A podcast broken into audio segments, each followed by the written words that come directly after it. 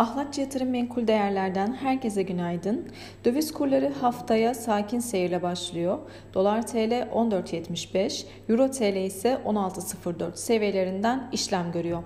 Bugün içeride cari işlemler dengesi ve işsizlik rakamları açıklanacak. Dolayısıyla kurda yatay fiyat hareketlerinin devam edeceğini düşünüyoruz. Küresel piyasalar Çin borsaları öncülüğünde satış ağırlıklı. ABD vadelileri de benzer şekilde bu sabah satıcılı görünümde. ABD 10 yıllıkları yarın açıklanacak enflasyon verisi öncesinde 7 bas puan yükselişle %2,77'ye yükselmiş durumda.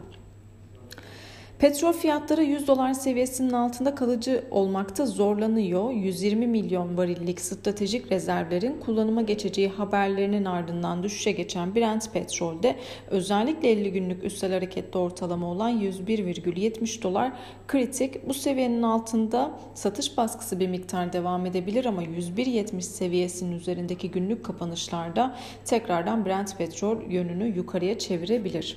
Ons altın yarın açıklanacak enflasyon verisi öncesinde tekrardan yükselişe geçmiş durumda. Bu sabah itibariyle 1942 dolar seviyelerinden işlem görüyor.